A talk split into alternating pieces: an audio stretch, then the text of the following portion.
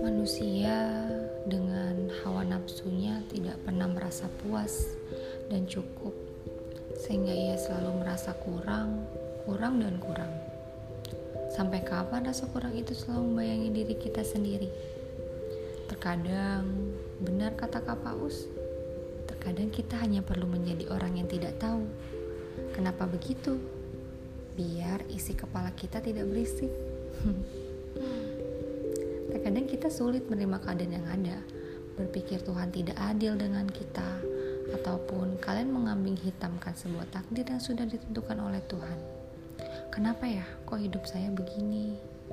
Kadang kita nggak pernah tahu apa rencana Tuhan di balik rasa sedih dan kesepian.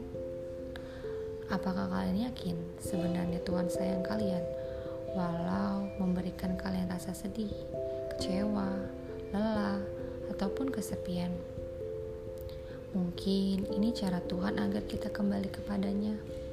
Coba deh, kalian berpikir, ketika kalian sibuk dengan kerjaan kalian, sibuk pacaran, sibuk ini itu, dan kalian bahagia dengan semua hal itu.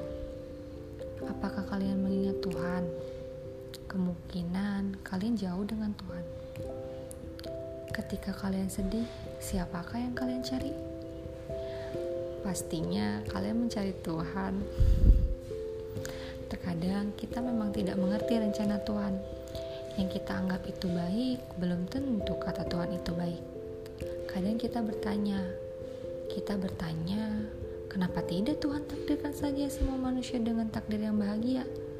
Kenapa Tuhan menciptakan rasa sedih, kecewa, dan kesepian?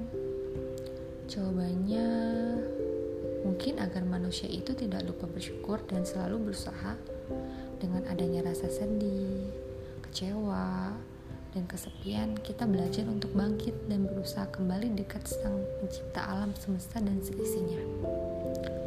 Sejauh-jauhnya kita melangkah, rumah adalah tempat kita kembali, dan Tuhanlah tempat kita kembali.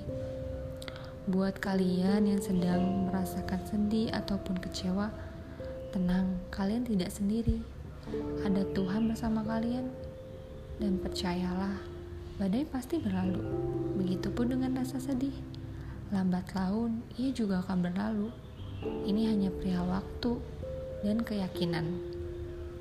Semangat untuk kita kembali, kembali berdamai dengan segala hal, dan kembali bersama Tuhan.